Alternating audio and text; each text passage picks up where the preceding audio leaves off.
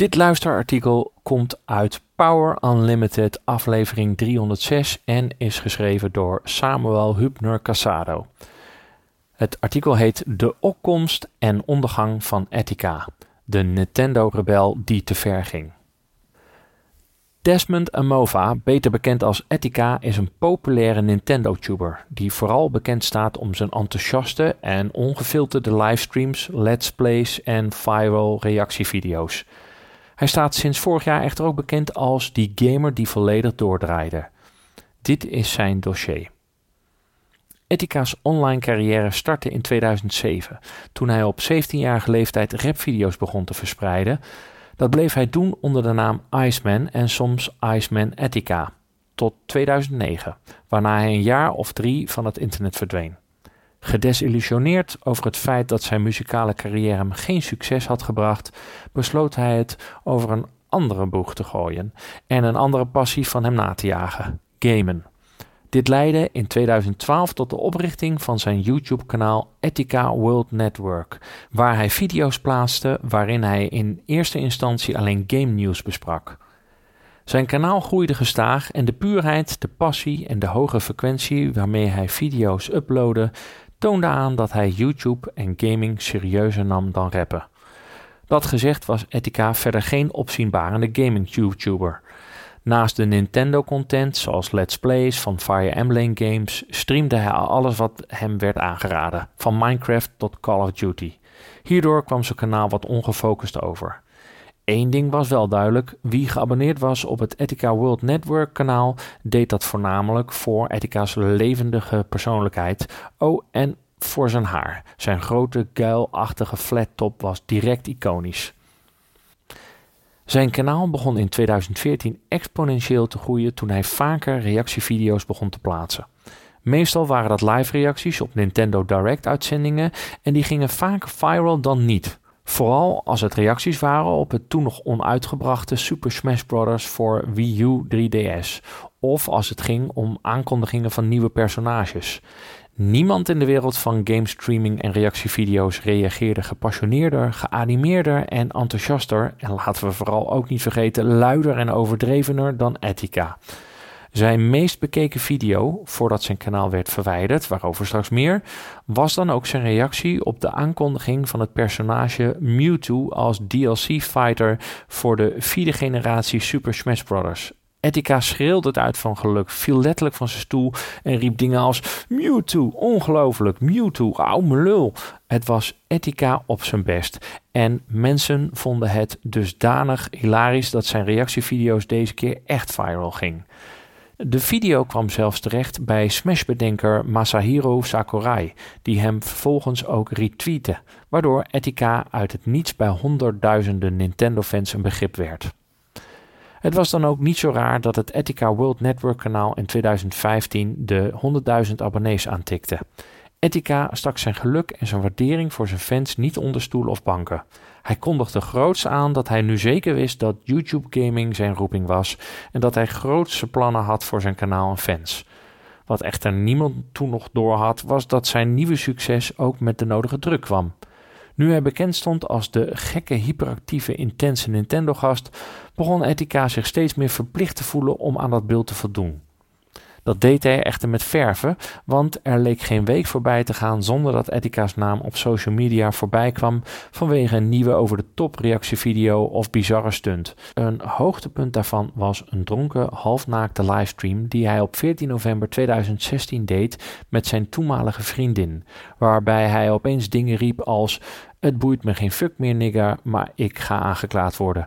En hij een prototype van de toen pas net aangekondigde Nintendo Switch tevoorschijn trok, inclusief verwijderbare Joy-Con controllers.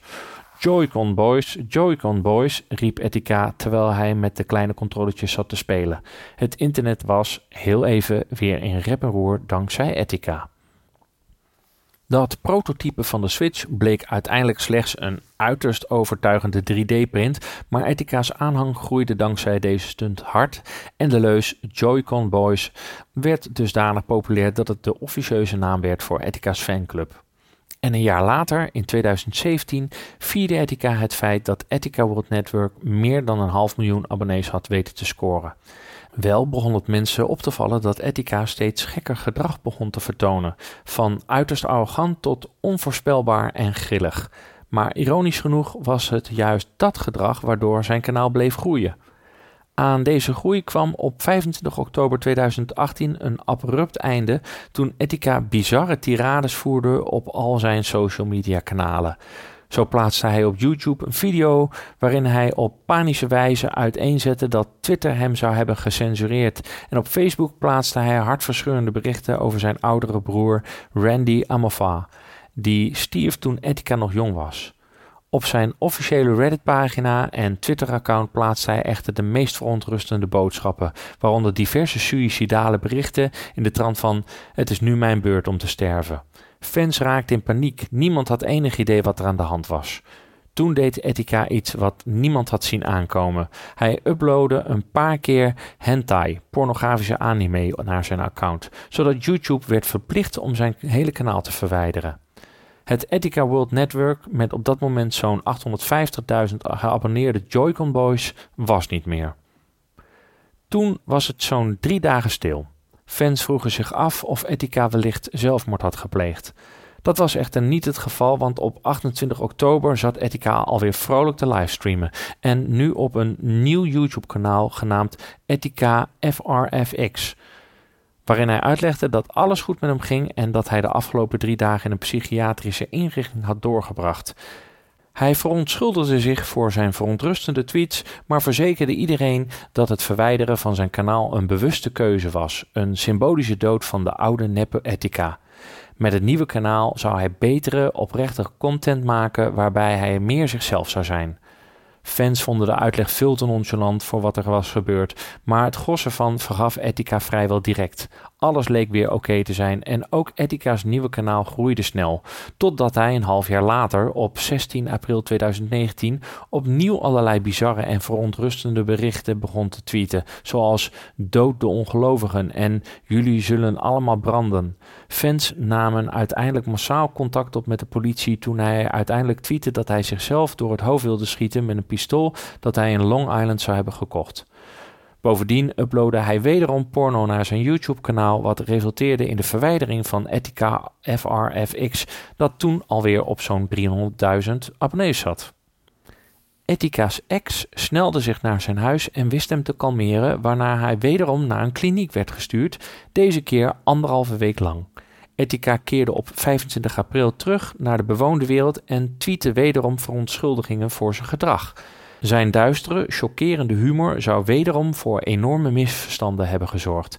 Tevens bleef hij volhouden dat hij geen psychologische problemen had. Toch was het slechts drie dagen later een derde keer raak. Op 28 april tweette hij dingen als: Men wil mij dood hebben omdat ik de giften van God breng. En het snel verwijderde: Fuck de Joden. Ook begon hij president Trump te bedreigen in zijn tweets. En waarna hij zichzelf de antichrist noemde. Toen Etika ook nog eens al zijn vrienden op Twitter begon te blokkeren, waaronder zijn ex, begonnen zijn fans te roepen dat hij een tijdje afstand van de internet moest nemen. In elk geval van social media, aangezien hij overduidelijk professionele hulp nodig had. Het was aan Dovermans oor gericht. Een dag later, op 29 april, startte Etika een livestream op Instagram om aan de wereld te laten zien dat meerdere politieauto's zich voor zijn appartement in New York hadden verzameld. Niet om hem te arresteren voor een misdaad, maar simpelweg om te kijken of het wel goed met hem ging. De aanleiding was uiteraard de serie psychotische tweets die hij de afgelopen dagen had geplaatst. Toen ze bij hem aan de deur stonden, weigde de Etika echter open te doen en gaf hij ze al livestreamen toestemming om de deur in te beuken. Dat gebeurde en de agenten sloegen Etika direct in de boeien. Meer dan 20.000 kijkers zagen dat live gebeuren via Instagram. Op straat had zich intussen een aardige menigte verzameld en meerdere omstanders filmden hoe Etika gehandboeid op een stretcher een ambulance in werd geduwd, terwijl hij lachend joelde: We hebben het gehaald, John Boys. Einde verhaal? Nou, nee. Een dag later, op 30 april, was hij alweer aan het streamen. De kliniek had hem vrijwel direct mentaal gezond genoeg verklaard en naar huis gestuurd.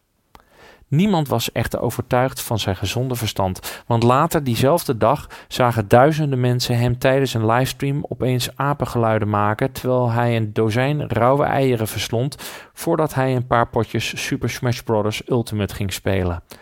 Ondanks deze tamelijk absurde vertoning was niemand voorbereid op wat er de volgende dag op 1 mei jongsleden zou gebeuren.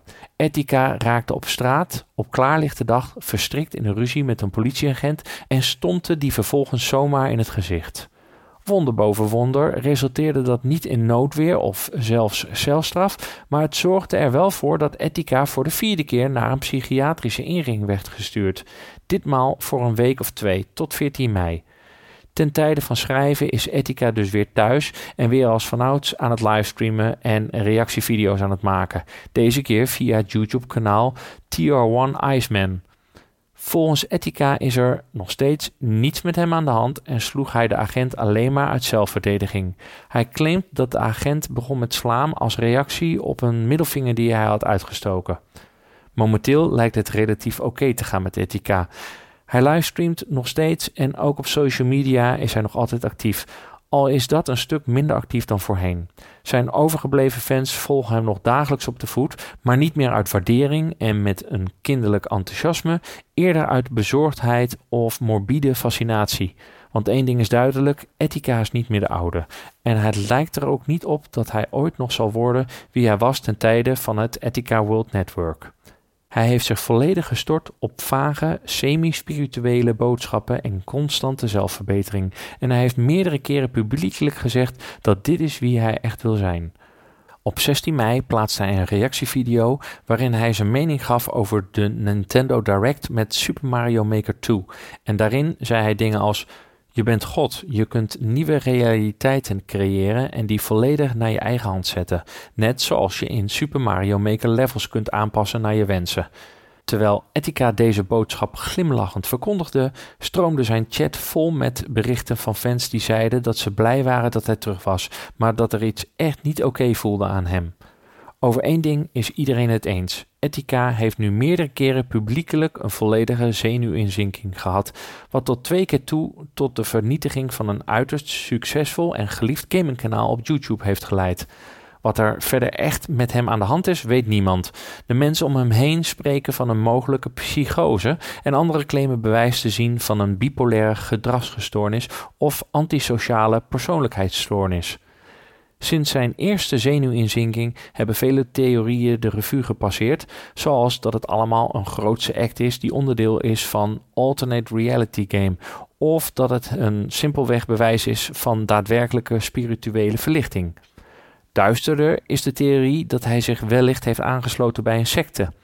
Etika heeft in meerdere video's verwezen naar de Venus Project, wat zowel de naam is van een ecologische organisatie met radicale ideeën over de toekomst van de aarde, als een satanische groepering in Brooklyn. De waarheid is waarschijnlijk een stuk eenvoudiger, maar daarom niet minder ernstig. De man ervaart momenteel een volledige burn-out en neemt niet de rust en zorg die hij moet nemen. Hij is niet de eerste professionele gamer of YouTuber wiens mentale gesteldheid aan diggelen werd geslagen nadat hij zijn hele leven in dienst had gesteld van zijn werk. En hij zal helaas waarschijnlijk ook niet de laatste zijn. Kader 1.